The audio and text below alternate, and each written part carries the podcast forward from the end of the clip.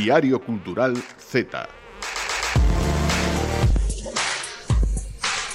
Desde que teño recordo, os videoxogos están na miña vida. Mais que os videoxogos, Zelda. Unha pequena Lucía comezou a empuñar a espada mestra coa Nintendo 64 e Ocarina of Time, estragándolle, estragándolle probablemente a partida a meu pai que agardaba paciente mentras observaba todo arder ao seu redor. Para min, Link, o discreto e silencioso heroe, sempre foi el, Dende que non está, enfronto meus monstruos como mellor podo. Hoxe comparto as miñas aventuras con outras mans, porque a vida, como os videoxogos, non é máis que ir adaptándose ás circunstancias. Comer cando tes pouca vida, sacar o máximo proveito dun pau, despedir os primeiros compañeiros de viaxe e seguir a aventura coa xente nova que aparece no camiño. E por sacar xa o símil máximo entre a miña vida e o Zelda, nesta nova aventura Link faise reporteiro para a Gaceta El Trébol, Pode haber mellor videoxogo na historia dos videoxogos? Dubido moito. Unha gaceta, el trébol, que estaría totalmente baleira sen Silvia López. Hola, hola que tal? E sen Marta Coira. Hola, hola moi boas. Eu tamén vou a ser gallez... galletilleira do Celda cando o compre. É que Marta pode ser reporteira no Celda. Mola un montón. Mm, claro. Fantasía todos agonizando no, no castelo de Ganondorf e ti, bueno, pues veña, vamos a cubrir aquí que tal están ah, as flores. Non teño presa ningunha por matar a ningún monstro. Eu estou Así aquí cubrindo, cubrindo as miñas noticias. Eh, cal é a cultura de dos mundos de Zelda? Non se sabe, non se teñen letras... A facer de todo menos o que tens que facer. de Irule en, en Zelda, metas letras galegas. Ah, mira, pues Son as pezas que vou cubrir. Claro, claro. Eu teño que confesar que cando esta mañá me falaches disto do Zelda e da Gaceta del Trébol, a miña mente estaba nun sitio e a miña cara noutro. Mm, coa cara intentaba Marta. amosar interese porque estou xa poñéndome moi en serio co Zelda, pero por dentro a min disme el trébol eu penso na orquestra el, te el trébol. Existe unha orquestra sí, que claro. Que esperar dunha persona que tiña forrada a súa a súa carpeta con orquestas cando tiña 12 anos. La Oca era, la Oca Band, la Oca Band é Correcto. Sí, sí, sí. Non facemos bo desta persona. Non, non facemos, non facemos. Pois pues sí, a ver se con este novo xogo te enganchas un pouco, sí, que se pode ser xornalista, é que de verdade non, non o podo decir. O sea, Igual xa me chega na vida tamén, real, claro, eh? xa me digo, eh, traballamos de xornalista, se queres que non teu tempo libre, seguir sendo xornalista. Bueno, pues revisate un pouco, Lucía, por favor. Estás me cancelando xa. No, pero en acabamos de empezar de, xa me estás Descanso, descanso da profesión. Vale, descanso da profesión. Entón, nesta próxima hora non imos facer nada Neste de momento non é o momento de descanso. Ah, vale. Despois. Perdón, perdón. Pois, pois non vou facer clásico con Z. Como non? Pois pues, entón xa se nos vai o programa. Prefiro ser xornalista no centro, verdade. non, si sí que hai clásico, si sí que hai clásico. Para reivindicar, ademais, a, a cultura, hoxe imos falar de Nucho Ordine e dos seus eh, clásicos para a vida e do seu, da súa utilidade do inútil e moitos outros libros. Eh, teremos tamén mm, Masha, porque que ah, é un guai. programa Z un pouco de Masha, e aquí nos vai traer a colaboradora Ana Vaz de la Riva, e tenemos Marta, videoxogos. Si, sí, eu veño aquí a falar de Minabo, hoxe. Esta semana xa, xa veremos. Sí. Aí queda. Aí, non vas explicar. No. Vale, perfecto, pois pues, con esta presentación xa canceladísimas por segunda vez. Eh, menos mal que tenemos tamén a xente seria que como é Sara Donoso, que nos vai falar da educación eh, artística, neste caso a regrada, porque xa falamos da, da non regrada na súa última colaboración, e pecharemos con un pouco de música sí. a falta de Alex Gándara, Silvia López sí. DJ. Non trae música de orquestra que podería, podería, porque tremendos temazos sí. que poñen nas verbenas, senón que traigo un recopilatorio de novidades musicais galegas dos últimos tempos, pero para adaptalas ao contexto, que estamos mm. en época de exames e logo ven pois a época de festa, pois imos ir encrechendo. O sea, non vamos facer crónica da, da, da panorama de non. esta semana, non. non. Vale. Fago eu. Eh, increíble.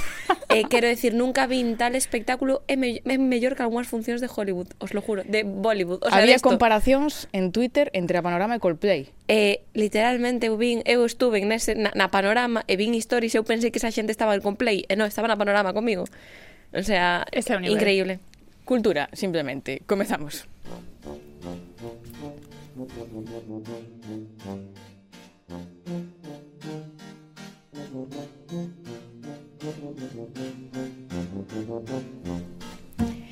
E hoxe nos clásicos con Z temos o autor favorito de Feijó. Que me dis? Sí entra en campaña o Z tamén. A ver, favorito non sei, pero vos sabedes esa esa foto de Feijó que se fixo viral todo moderno e con zapas, con camiseta sí. eh, na revista Yodona. Sí, sí, sí. sí, sí. Pois pues estaba todo o mundo fixándose no, no modelito de, de Feijó, no seu estilismo, pero había outro detalle interesante nesa sesión de fotos que un libro de Nucho Ordine inesperado Fixetes totalmente. Zoom. Eu fixen zoom, dixen, a ver que está lendo aquí eh, Feijo, entón voulle copiar a, a recomendación vale. para este Z. Concretamente era o libro Los hombres no son islas, los clásicos nos ayudan a vivir, que indica mm, claramente que somos o seu programa de referencia literaria. Ah, pues, Supoño, pues, claro. Xa dixemos varias ocasións que a nós cuidaban a xente moi importante. Sí. Como Dulceida, ahora Feijo. claro. Pasamos de Dulceida a Feijo, o noso público, simplemente. eh, Nucho Ordine é eh, un escritor e profesor de literatura italiana na Universidade de Calabria, un clásico contemporáneo, un home de actualidade, ademais, porque premio Princesa de Asturias de Comunicación e Humanidade Humanidades deste 2023 e é toda unha referencia da defensa das humanidades e a educación para a vida, unha persoa tamén moi conectada coas novas eh, xeracións, non? Como, como profesor, pois defende que os novos temos moito poder para cambiar a sociedade, para facer un mundo mellor cunha idea clara, que non pensar na universidade ou no traballo só como unha maneira de facer cartos, a nosa prioridade pois debería ser facer cousas que, que, que nos apaixonen e aquí estamos as tres de exemplo porque eu creo que ningunha das tres estudou xornalismo para facerse rica confirmar eh, camiño colleríamos. No, eu non sei porque estudei xornalismo, pero bueno, xornalismo quitou máis ganas de vir a radio, doume razóns para facelo. Ben. Está ben. Vale, vale, claro, feliz. compensamos un sí, pouco. Sí, sí, sí, pero quero decir, eu creo que, que nadie estuda xornalismo se non é non sabemos por qué, non sabemos por qué. Iba a dicir unha cousa, pero é mentira. Non sei por que a xente estuda xornalismo, a verdade. Non, aquí non se din mentiras. Ti por que estudaste xornalismo, Silvia?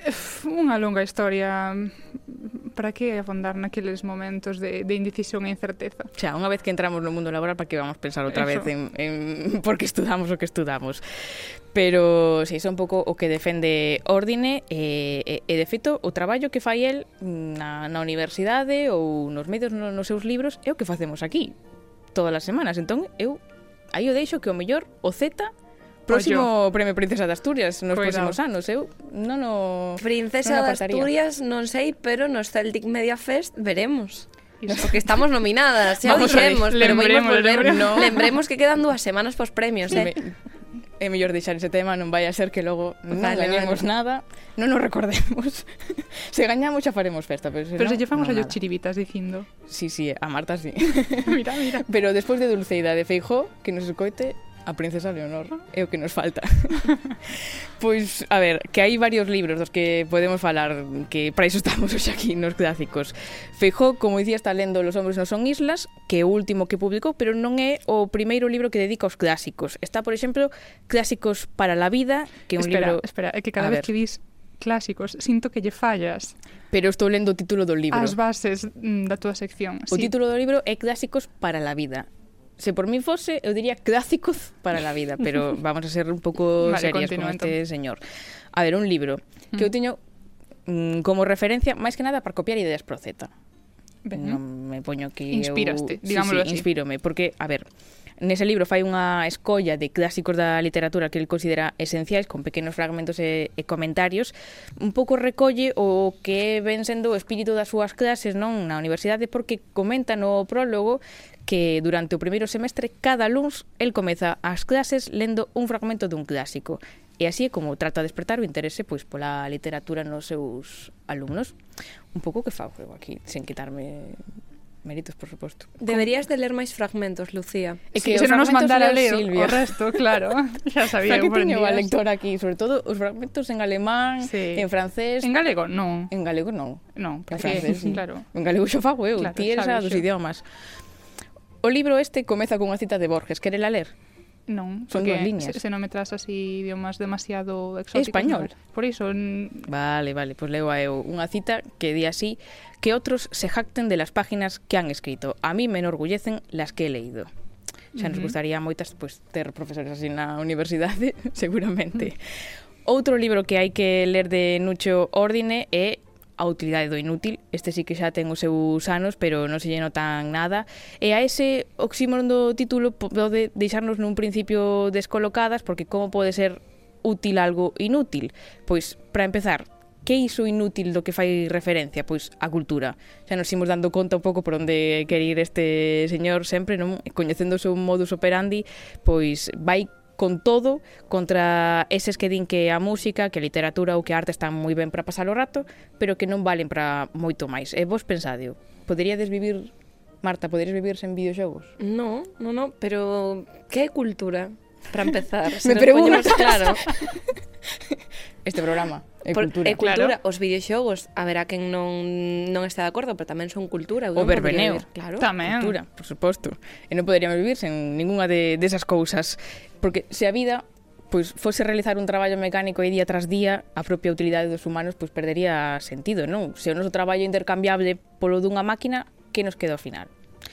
A patria de ordine son os libros, unha patria que para el merece todos os esforzos defender e, e compartir, porque a creación cultural é ao final o que nos salva da extinción e aí está ao final a utilidade deses obxectos inútiles chamados libros ou diarios culturais Z. Diario Cultural Z. Cumbia.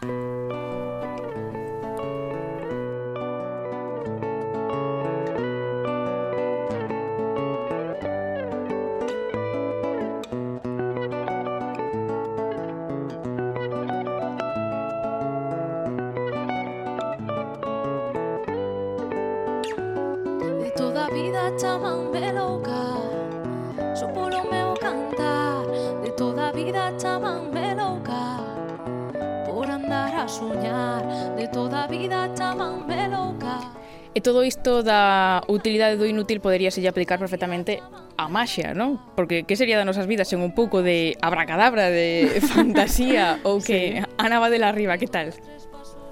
Hola, que tal estades? Pois sí, eu creo que a Masía é o, o que fai a vida así máis interesante.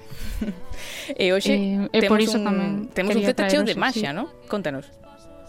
Sí, sí, quería traerose eh, Masia porque penso que, que é unha sección que, que ten que estar aberta a todas as disciplinas e máis a Masia que, que ten ese, ese componente do que falábamos de tamén de soños que se cumpren, que é algo que vai estar moi presente na, na sección de hoxe.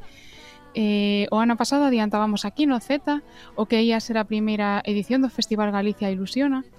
Era un festival internacional de masia e ilusionismo que ia converter a Galicia na capital da masia e falábanos delo os seus organizadores, Pedro Bugarín e Dani Polo, uh -huh. que son os dous magos, eh, que nos falaban deste proxecto que parecía, a verdade, é que moi ambicioso en canto a duración, cantidade de espectáculos, espazos e artistas convidados e convidadas.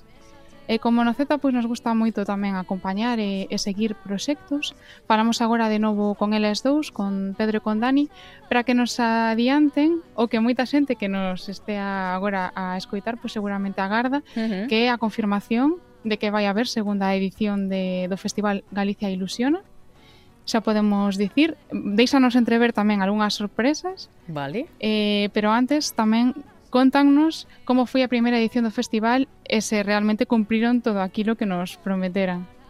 A verdade é que a pasada edición do Festival Mundial de Ilusionismo Galicia Ilusiona eh, superou todas as nosas expectativas. Tivemos percorrendo Galicia inteira máis de 30 magos e magas de todas as nacionalidades, incluindo, por suposto, os magos e magas galegos, tivemos un total de 50.000 persoas acudindo aos diferentes espectáculos, tanto de maxia de rúa, como a maxia solidaria, como as galas internacionais, E precisamente nestas galas internacionais que fixemos eh, nos auditorios das sete grandes cidades galegas eh, esgotamos todas as entradas. En cuestión de semanas todas as entradas estaban esgotadas eh, nos diferentes espazos. Eh, a verdade é que vímonos cunha, cunha expectación moi moi ampla por parte do, de todo o público. Eh, contábanos, Pedro, que tiveron un público que que dicía unha, unha cantidade moi alta, non? 50.000 persoas Mama. e un público entregado moi variado. Verdad? sí, sí, sí, moita xente. Para as artes escénicas, 50.000 persoas eh, é moita xente. Son vendidas. Eh, eh, este público ateigou cada unha das convocatorias que, que fixeron a maior parte do, no, do público que acudía ao, ao festival era un público familiar. Pero tamén detectamos que, que tiñamos a moita xente xoven interesada pola maxia, eh, polos magos de fora, e, eh, e eh, foi, bueno, a verdade que un, un, un verdadeiro placer e unha sorpresa ver a tanta xente xoven eh, nos espectáculos de Galicia Ilusiona. Eh, tamén é verdade que facer en o festival en época estival, eh, nos meses de agosto e setembro, moita xente de fora, moitos estranxeiros, quedaron abrallados cos magos e magas que estaban a circular por Galicia. É dicir, eh, incluso tiñamos moitas reseñas nas nosas redes sociais de xente de fora que, que quedou abrallada co, co espectáculo que, que montaba Galicia Ilusiona no, nos diferentes concellos. E ademais dos propios Dani e Pedro, o festival contou ano pasado tamén con magos galegos novos, como por exemplo Nacho Samena, Samuel Moreno ou mesmo Magic Mateo, que só ten 14 anos, pero xa está pisando moi forte. Magic Mateo, que sí, é sí, un nome sí, de fantasía. Sí, sí, é un nome que xa di moito e que xa engancha. E, e o festival atraeu tamén a moita xente nova no público porque é unha cousa que, que xa víamos o ano pasado, pero que, que estiven a constatar moitísimo últimamente, en que a máis en Galicia ten moitísimo pulo na, na xente nova, eh, hai cada vez máis magos e magas eh, novos que empezan dende nenos, por exemplo, o mago Iago que ten tan só nove anos, e que xa pois tamén sí, sí. é unha figura, eh, ou a maga Aldara que ten 18 por exemplo. E o festival é un espazo de encontro moi interesante para iso, para, para coñecer novos referentes do ilusionismo, non só daqui, senón mm, de todo o mundo, e tamén para todas as aspirantes a magas e magos pois, que queiran ir ali a coñecer novos trucos e, e ver o que, o que se fai por aí.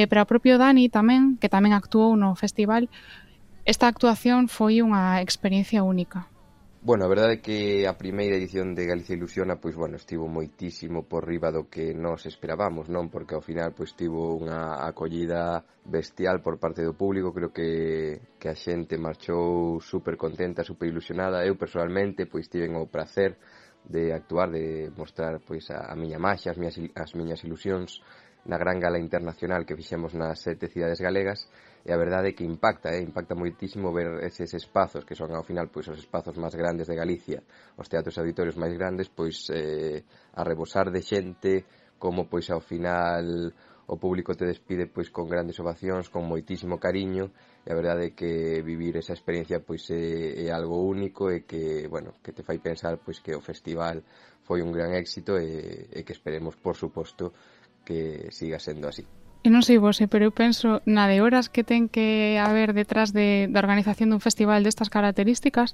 mm. horas eh, de traballo, dedicación. Eh, eu creo, a miña a miña opinión, non? que Dani e Pedro que ademais de ser organizadores son magos o fan por iso, porque adoran a masia eh, e o fan con toda a ilusión do mundo usando tamén a, a metáfora non? Da, sí. da ilusión e da masia eh, e nunca mellor dito porque Contan non que para eles é mm, estar a cumprir pois un soño que tiñan dende que eran nenos, como nos conta agora Pedro. Particularmente como mago, é un verdadeiro placer poder contar na miña terra cun festival destas características. Eh, poder ter os mellores magos e magas do mundo nos auditorios galegos é algo que sempre soñas dende pequeno e, e ves que agora por fin se fai realidade. A mí me parece moi inspirador Por iso tamén quería quería destacar non outra vez este este proxecto e facer ese balance porque penso que o festival eh, e o traballo deles puso merecía e eh, o feito ese, non, de traballar para conseguir que aquilo que che gustaría que existise, non, pois se convirta en realidade facendo ti e quitando tempo, pois sendo artistas, non, pois quitar tempo á propia creación, os propios ensaios, pois para sacar adiante un proxecto que beneficie pois a, a toda a comunidade, non, da masia e tamén das artes escénicas. E que como víamos non só superou calquera expectativa que que podían ter nesa primeira edición que foi a gran escala, senón que volve este ano cunha nova edición xa para consolidarse, E agora chega pois a segunda edición, non, de Galicia Ilusiona lóxicamente despois do do ano pasado, como ben dicía.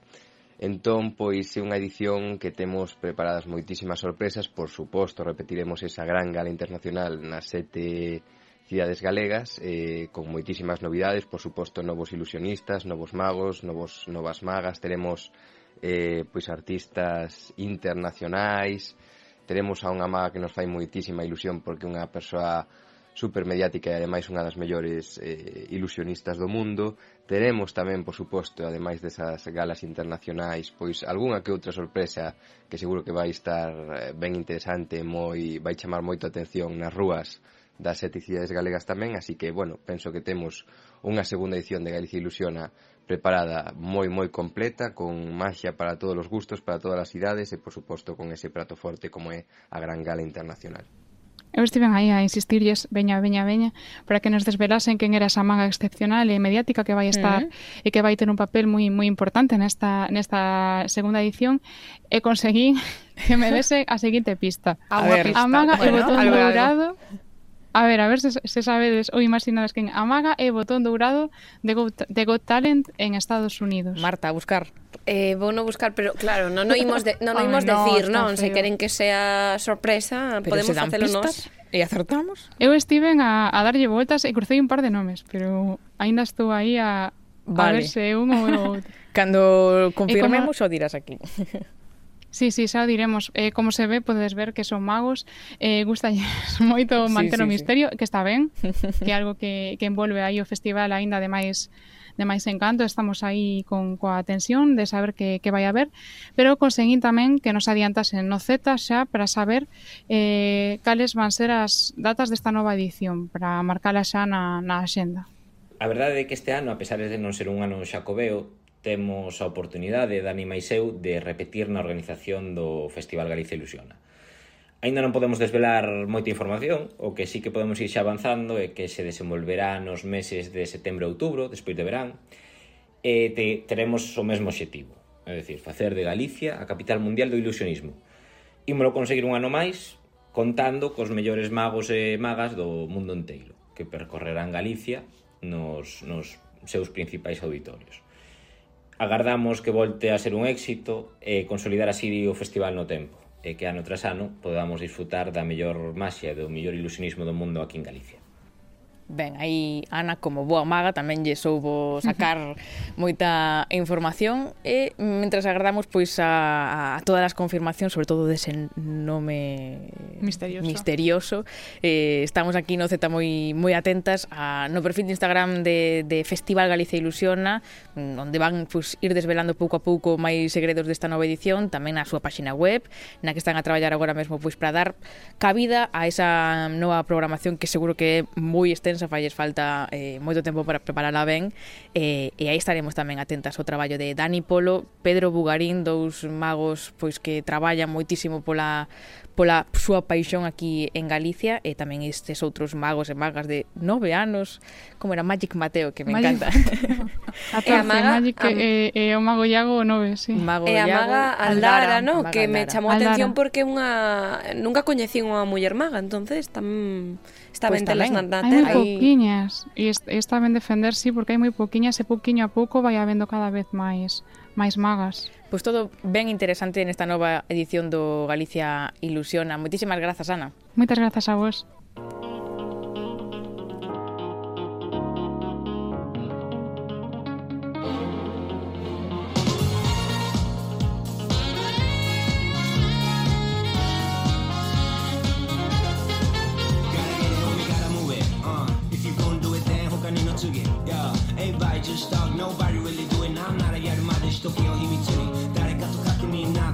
죽음 너 자체란 the break the walls 너한테 a fake you're low you're cool 니 low 니 cool the I'm keeping on fight in my life Cause my life is living for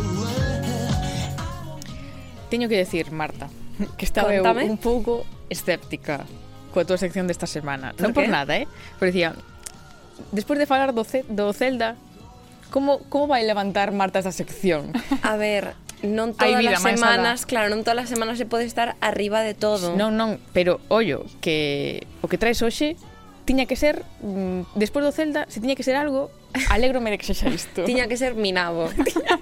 É que non o chiste, a ver, o chiste é fácil. Todo o mundo pensa que vou falar dunha cousa, pero eu aquí non vin facer referencias fálicas, como ese señor que un día foi á televisión e dixo, bueno, eu aquí veño a falar do meu libro, eu aquí non veño a falar de Minabo, eu aquí Menos mal, veño a falar digo, eh? dun videoxogo que se chama así, que se chama Minabo, e o máis sorprendente de todo isto é que detrás deste videoxogo hai un, un estudo español entonces o xogo tiña... de palabras prestas aínda máis claro. Tiña que ser españoles, mm. non?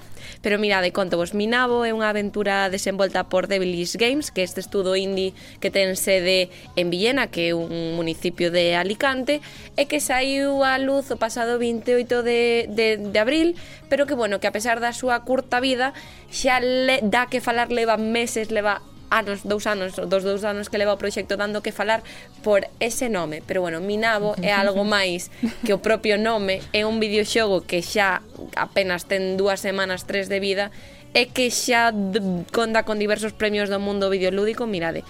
Videoxogo máis acardado de 2022 por De Buego, no Valencia Indie Summit o mellor xogo en desenvolvemento, nos ESNE Per Hours tamén gañou e foi finalista do AEBI que é o mellor proxecto innovador de 2021, todo eles citas de gran categoría. Entonces, bueno, aquí no Z facémonos oco de todas estas propostas, sexan máis afastadas, sexan da terra, sexan de España, sexan de internacionales, e temos que falar de mundo. todas elas, claro, claro. claro. Contovos un poquinho de que vai Minabo, o verdadeiro xogo. Vides vos reír cada vez que diga Minabo. Bueno Temos A risa frouxa, non pasa Exacto. nada, non pasa nada. Diario cultural infantil. Aquí estamos para rirnos. Vou vos decir que, a ver, que o nome exactamente non é Minabo Senón que se chama Minabo a Walk Through Life Que, que é o que é a premisa Un paseo ao longo da vida, non? Mirade, é un videoxogo de simulación social no que nos convertemos nun nabo e imos camiñando pola liña da vida. Hai unha pantalla, unha pantalliña, e o nabo vai pasando, vai camiñando. Non te podes mover nin para diante nin para atrás, solo para diante. entonces vai pasando a vida, a través da ambientación ti podes ver como van pasando as estacións, como te vas facendo maior, como van pasando os anos, non? E o obxectivo non é outro que medrar e prosperar, bueno, nas túas relacións sociais cos, de na, cos demais nabos, porque ti non eres o único nabo, claro, mira. Na parte esquerda da pantalla hai unhas barras que che indican, bueno, como as dos Sims, pois o teu nivel de, de idade, as necesidades que tes que cubrir, que son contacto físico, intimidade, pertenza e esperanza de vida, e na parte dereita pola súa banda, pois hai unha listaxe de obxectivos vitais, non? E hai unha lista pois na que se anotan todos os, ani, os amigos que vas facendo, os os teus pais, os fillos, os romances, hai unha lista ben longa Ajá. de relacións sociais que ti tes que ir cubrindo e van anotando un, un, dous, dous. Véxote sorprendida, no, Silvia. No, no, entusiasmada con este vale. sí, sí, con Ides este argumento. o concepto, non? Sí. Vale, bueno. Pois o xogo empeza cando a nosa personaxe brota da terra, porque un ave, claro. un ave sube para arriba e empeza a andar. E cada vez que andamos, que podemos regularnos a intensidade coa que facemos, se máis rápido ou máis lento, o tempo vai avanzando, os días pasan, as estacións van mudando, e bueno, como na vida mesma vas te convertindo máis maior, vas chegando a unha idade máis adulta. Nos primeiros anos de vida, isto é un dato curioso, o nabo vai acompañado andando dos seus pais. O sea, ti tes, eres chiquito, tes un ano, dous, tres, catro, cinco, bueno, hasta a adolescencia, pois van andando, vas andando, eles van te guiando, pero bueno, ti podes interactuar cos outros personaxes, pero sempre vas acompañado. A medida que medras, bueno, pois os pais xa non están, e teste que valer por ti mesmo, non? E ti a medida que andas, pois é a interacción cos outros nabos o que vai forxar o teu carácter, as túas relacións e te vai a condicionar nun futuro, o sea, un xogo como, como a vida mesma para para que mentir. Entonces cada vez que nos cruzamos con outro nabo, pois temos que facer contacto con el, é dicir, refregarnos. Sí, sí, sí, o sea, contacto Isto físico no, non era empeorar unha cousa a, a cubrir ou podes simplemente eh, interactuar con el para ir creando certa intimidade e ir establecendo unha amizade ou acabar nun romance, non? O sea, os amigos tamén se frotan. Sí. Ah, vale. Non te das abrazos. Sí, sí, sí, pois, no, claro. Pois sí. a eso nos referimos, vale, non vale, imos vale. moito máis máis alá. E ollo, porque hai peligros, se ti pasas moito tempo sen facerlle caso aos amigos nabos que vas facendo no teu camiño, murchan non é que murchen, é que cando os te volves a topar con eles, pode chegar a vez de que non queiran falar contigo. Isto pasa, poden te rexeitar tamén. Claro, efectivamente. E bueno, ao final deste increíble paseo pola vida, pois cando morres aparece unha lápida na que se che fai un resumo de como foi a túa vida, a xente a que conoceches, como eras, que acontecementos pasaches, o teu carácter, un pouco un resumo de todo, non? Eu quero dicir que non hai unha forma de xogar ben e hai que xogar como a vida mesma, hai que intentar facelo o medianamente posible, pero bueno, unha vez morres, pois tes a oportunidade de xogar outra vez e ninguna experiencia é igual que a anterior, porque podes, uh -huh, claro. sabes, non tes que facer tamén das mesmas personas, non tes por que ir tan rápido como ibas antes, bueno, podes facer un montón de cousas. É un dato curioso do xogo que, que podes escoller certos sombreiros que poñerte na cabeza como nabo e, segundo, o sombreiro que ti teñas as túas amizades van a ser diferentes porque lle vas a causar unha impresión distinta. Se ti levas un sombreiro elegante, podes ter a posibilidade de caerlle ben a, a outras persoas, claro. É que non podo vir aquí a falar se vos está de reino todo o rato, pero bueno, que vos recomendo un montón o videoxogo Minabo está disponible para todas as plataformas e eh, non creo que sexa moi caro, creo que ronda sobre os 14 euros. Así a que se queredes pasar un bo rato, evadirvos da vosa vida e ter outra vida diferente, minavo Adiante. É, é o xogo, non? Sí. Un apuntamento futboleiro sin ser nada diso. A mascota do Club Deportivo Lugo é un nabo, chamase Navic. Ah, sí? Sí, sí. Non tiña eu ese dato. Sí, sí. Ah, Ali pois pues pode ser o protagonista do, do seguinte xogo de Minabo, quen sabe? Aí o deixamos. Minabo Fiaturín Lugo. Exacto. Grazas, Marta.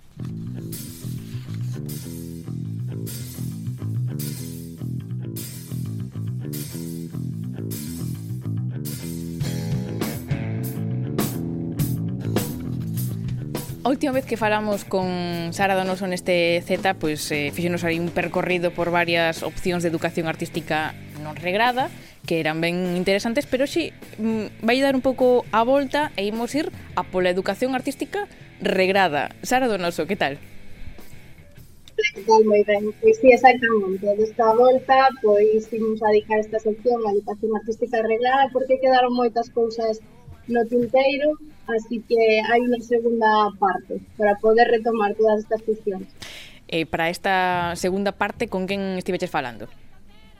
Pois mira, falei con Silvia García, que é decana da Facultade de Belas Artes de Pontevedra, docente e tamén docente do mestrado de Educación, co artista e co docente Susu Fandiño e tamén co artista Carmen Nogueira, que dá clases de secundario. Uh -huh.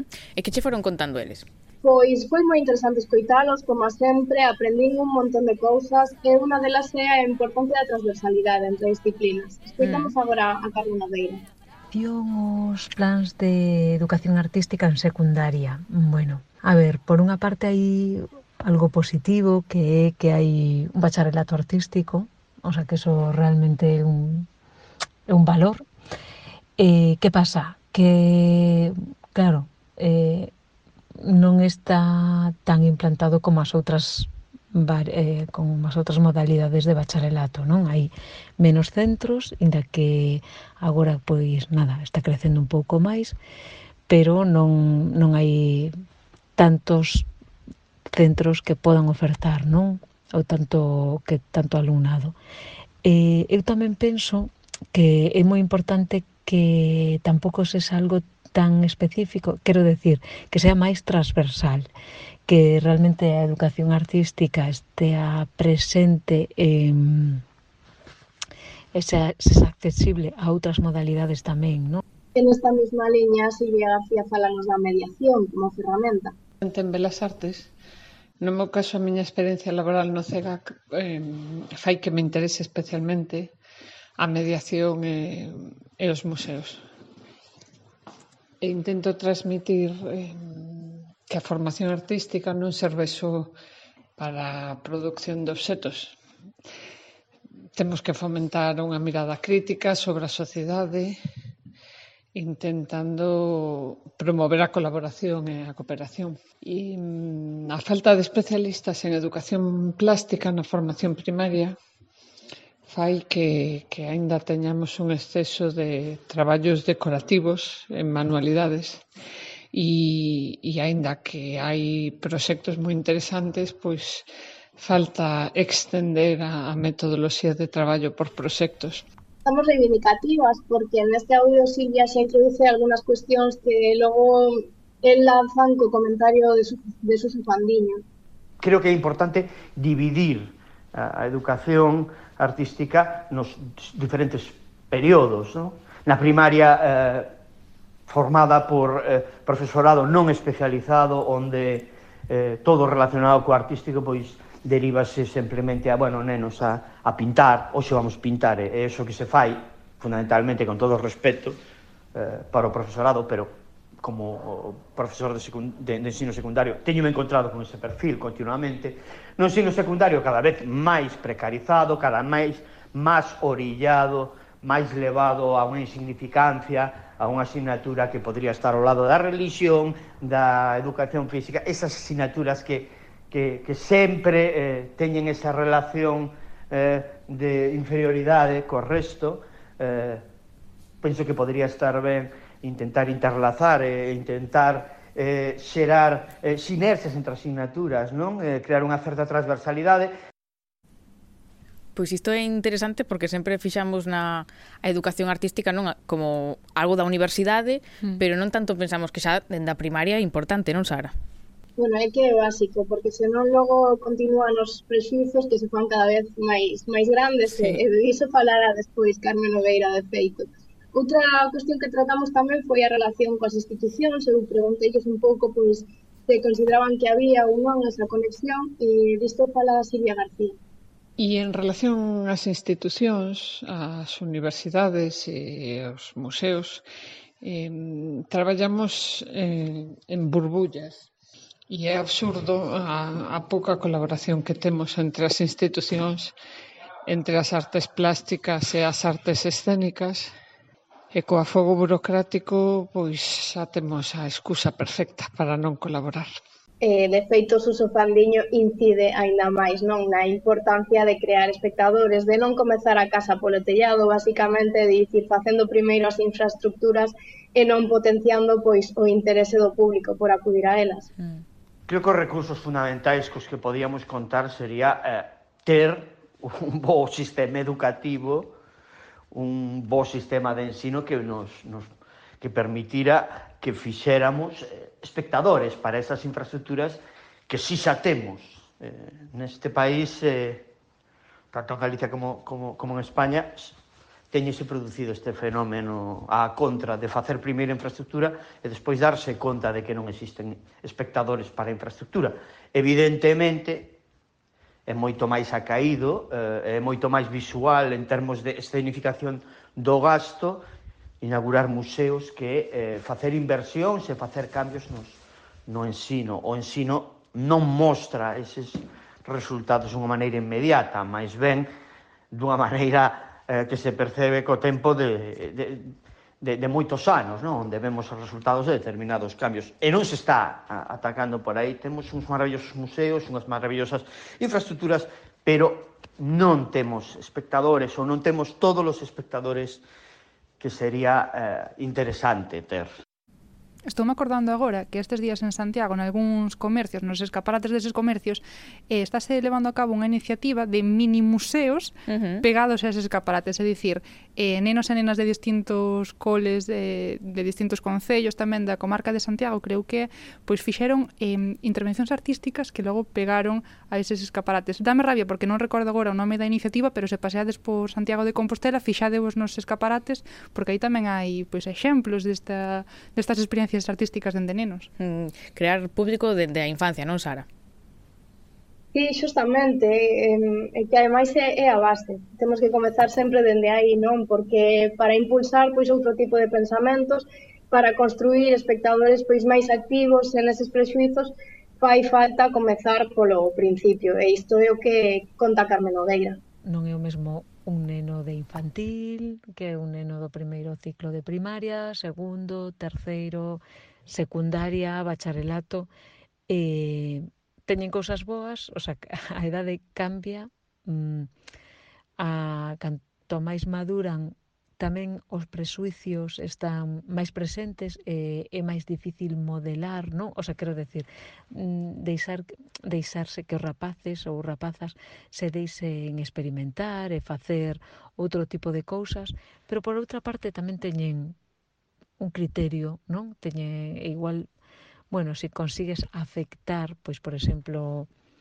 na adolescencia, si consigues que ese trabe, traballo afecte, realmente ten pois ten moito moito recorrido, non? Eh, bueno, en realidade eso é sempre igual en calquera idade, pero bueno, canto máis pequenos, pois son máis abertos á experimentación porque non teñen non teñen esos presuicios do que ten que estar ben, que conforme avanzan a idade, pois son máis fortes, non? pois fixándonos en todas as idades que é importante que xa dende cativas e, e cativos nos conten ben a, a arte, teñamos acceso a esa arte, pero tamén pois para eses que ao mellor están encarando un momento complexo como é a, a EBAU, non? Acceder á mm. universidade, mm. pois nos aquí deixamos claro hoxe que paga a pena eh, dedicar a vida á arte. Están nos quedando aquí un manifesto ben chulo sí. a favor de esas cousas inútiles que comentábamos, Ara. Sí, está clarísimo. Eu sigo co convite para que vos tamén tomedes clases de arte, porque igual... non se esqueceu, eh? Por porque non pois darlle unha oportunidade tamén a, tamén a, a educación artística. Sí, sí, nos aquí co exemplo sempre. Claro. Para, eu que sei, cando vexamos que o xornalismo non dá, pois o mellor a arte. Sempre pode dar. Se, se, o caso é empezar. Se xa iremos practicando e xa nos irá saindo mellor. Pero sobre todo, o caso é que cada un lle dedica a vida a aquela cousa que, que máis lle guste, máis lle apaxone. Por suposto, a arte tamén merece moito a pena. Moitísimas grazas, Sara. Grazas a vos.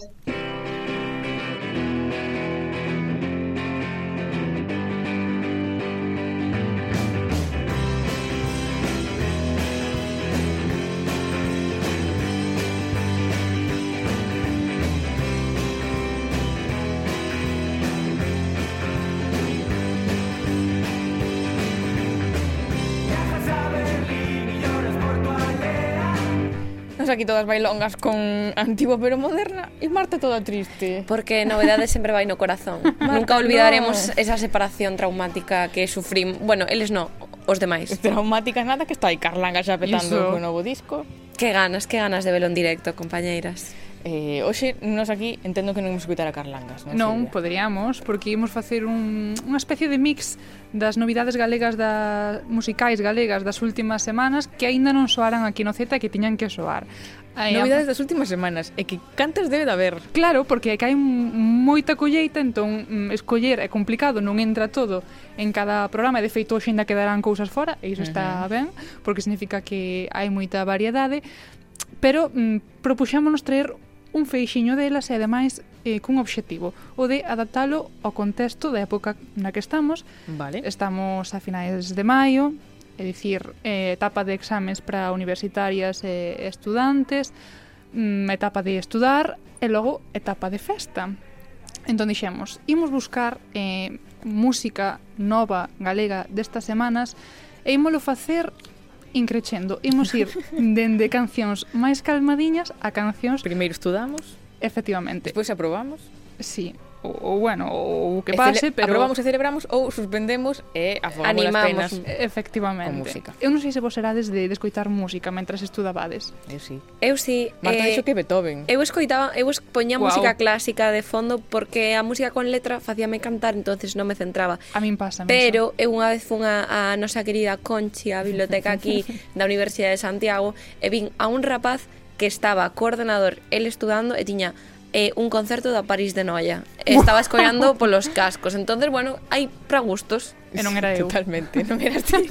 No, no ti que es máis de la Oca Band, non da París de Noia. Que non lle fago ascos tampouco a nada. Ti escoitabas música mentras estudabas? Eu bandas sonoras de películas. Ah, tamén está moi ben, sen letra, non? Claro, claro. Instrumentais, eh, coincidedes neso, claro. Sí. Eu tamén era moi de peaceful piano, peaceful piano. Cosas. O que pasa que nesas playlists que fai Spotify pois eh, non, non adoitan meter aí artistas galegos e hai algúns como a Luisa Álvarez que merecen aí un oco.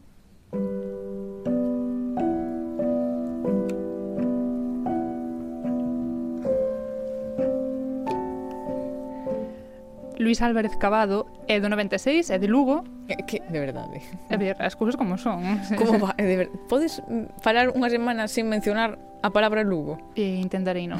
Reto para a próxima semana. Non é un reproche, ¿eh? ah. eh? Ti todos os días Lugo para Pero que vou facer se, se este rapaz claro. de Lugo, pois pues é de Lugo. Se a xente boa dali, nada que dicir. E con este pianista e compositor comezamos esta selección musical. Vedes que é unha peza así tranquiliña para relaxarse e concentrarse mentras estudamos o temario do exame. Luís cursou estudos musicais no Royal College de Londres. El compón pezas sobre todo para o sector do cine. De feito, gañou xa varios premios coas pezas que compuxo para curtas como Chaval e Monstro de Jaime Olías.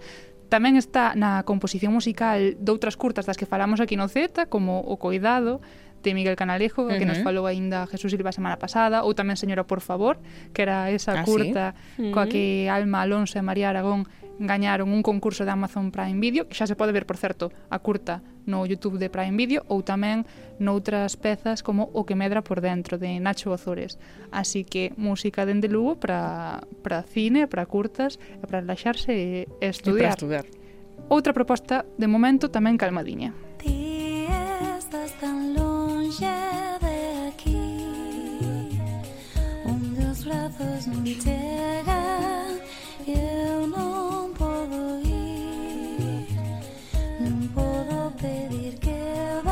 Baixo unha estrela para darme o bico de dormir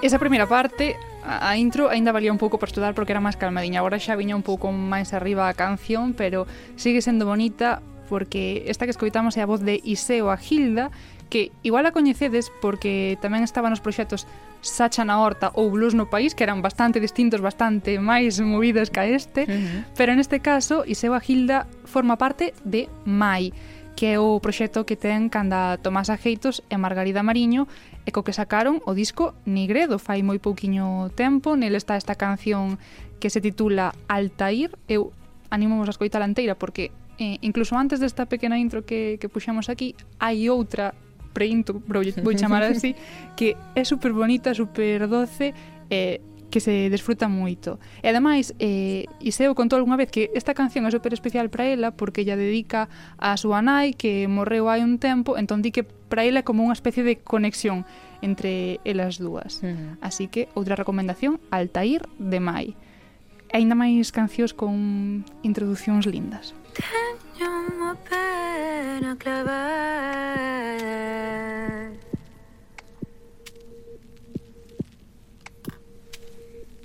Que a levo por dentro.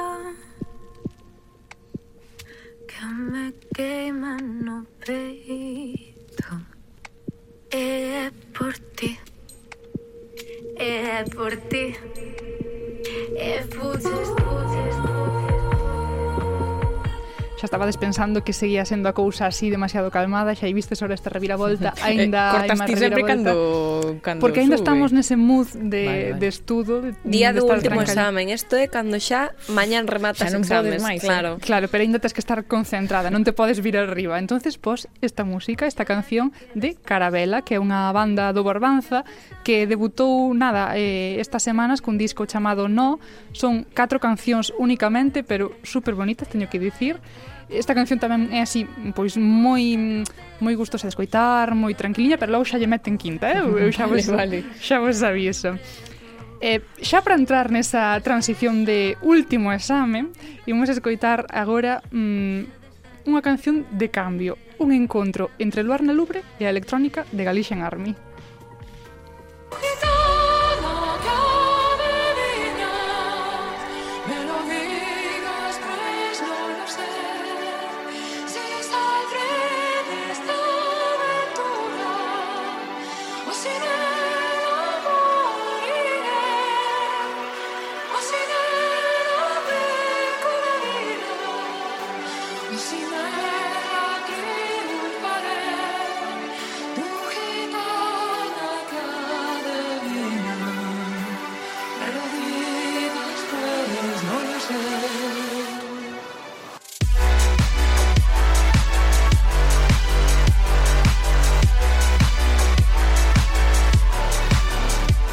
esperabades este xiro dramático dos acontecementos, eh?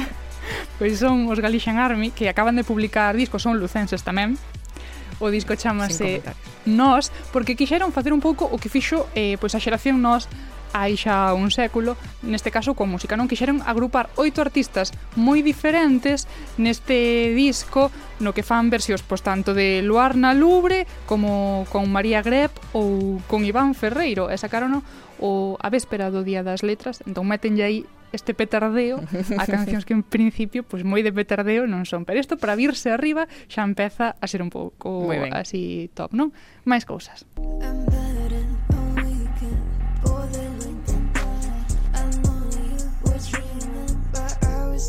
was wrong.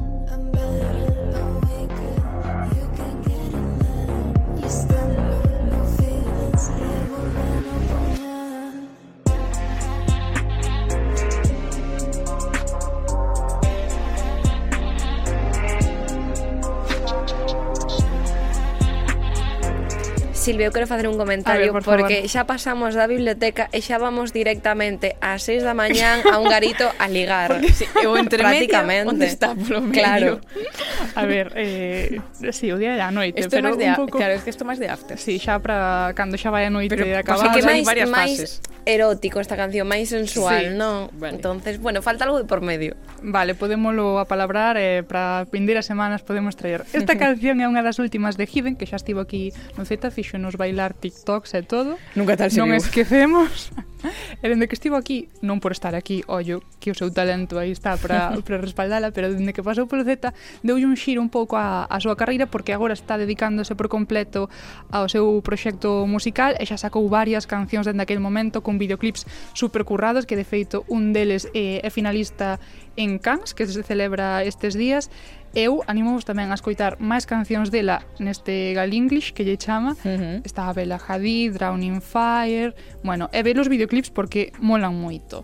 E xa como remate e como punto final as referencias de Lugo, Caía el vino de San Vicente, la peña rodeaba la fuente, las panderetas sonaban fuerte y yo nunca vi tanta gente. Sale el sol cuando voy a verte, por eso si llueve miente. Voy a por Pau al sitio de siempre y la del kiosco se alegra al verme. Saludo al que vive cerca de mí.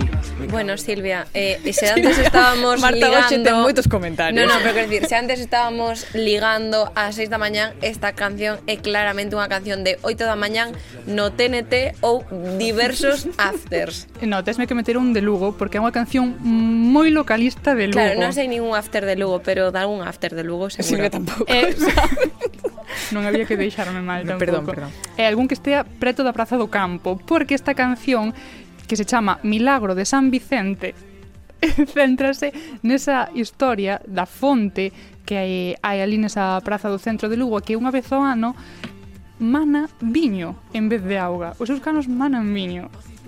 Que Milagros parece? inexplicables. Milagro de San Maxia que dicimos. E efectivamente. Unha canción de Ander e Diego que meten moitísimas referencias a Lugo na súa música. Igual que Silvia neste Diario Cultural sí, Z. A veces pásome, eu son consciente. Moitas grazas, Silvia. Gracias Xa, de aquí, de cabeza, a, ao after, a, o que haxa en Lugo. vale nos calquera. Con Ander e Diego despedimos hoxe o programa. Grazas Silvia, moitísimas grazas tamén Marta. E grazas tamén a Ana Varela e a Maca Rimúndez que estiveron na produción E a Manolo Palmeiro no control técnico. Máis programas inútiles para a semana que ven. Que vive cerca de mí. Me cago en la guardia civil Compré las flores que no te di Pero todo lo que compro lo compro aquí. Yeah. Y echo de mi casa que el que me rece. Invito a mi mesa el que lo merece. Cuando sopla las cunas mecen Cuando respiras la luna crece. Todo, lo hice por ti, pero baby ya no lloro si no estás aquí. Porque ahora lo a mi modo, riéndome de esos bobos. Tú valías más que el oro, pero ahora es para mí. Ya, ya no estoy débil, ahora soporto el impacto. No es una peli, pero me estoy enfocando. Tú quieres de mí, pero yo no puedo dar. No sé si apuesto en ti si tengo que apartarlo.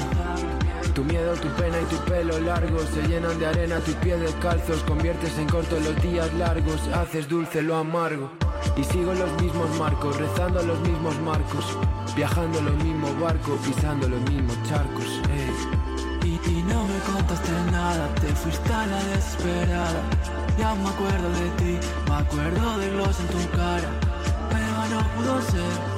Y no entiendo por qué, en orden como el cielo al amanecer. Ah, ya, ya me acuerdo de ti, ya me acuerdo de ti, ti, ti, ti.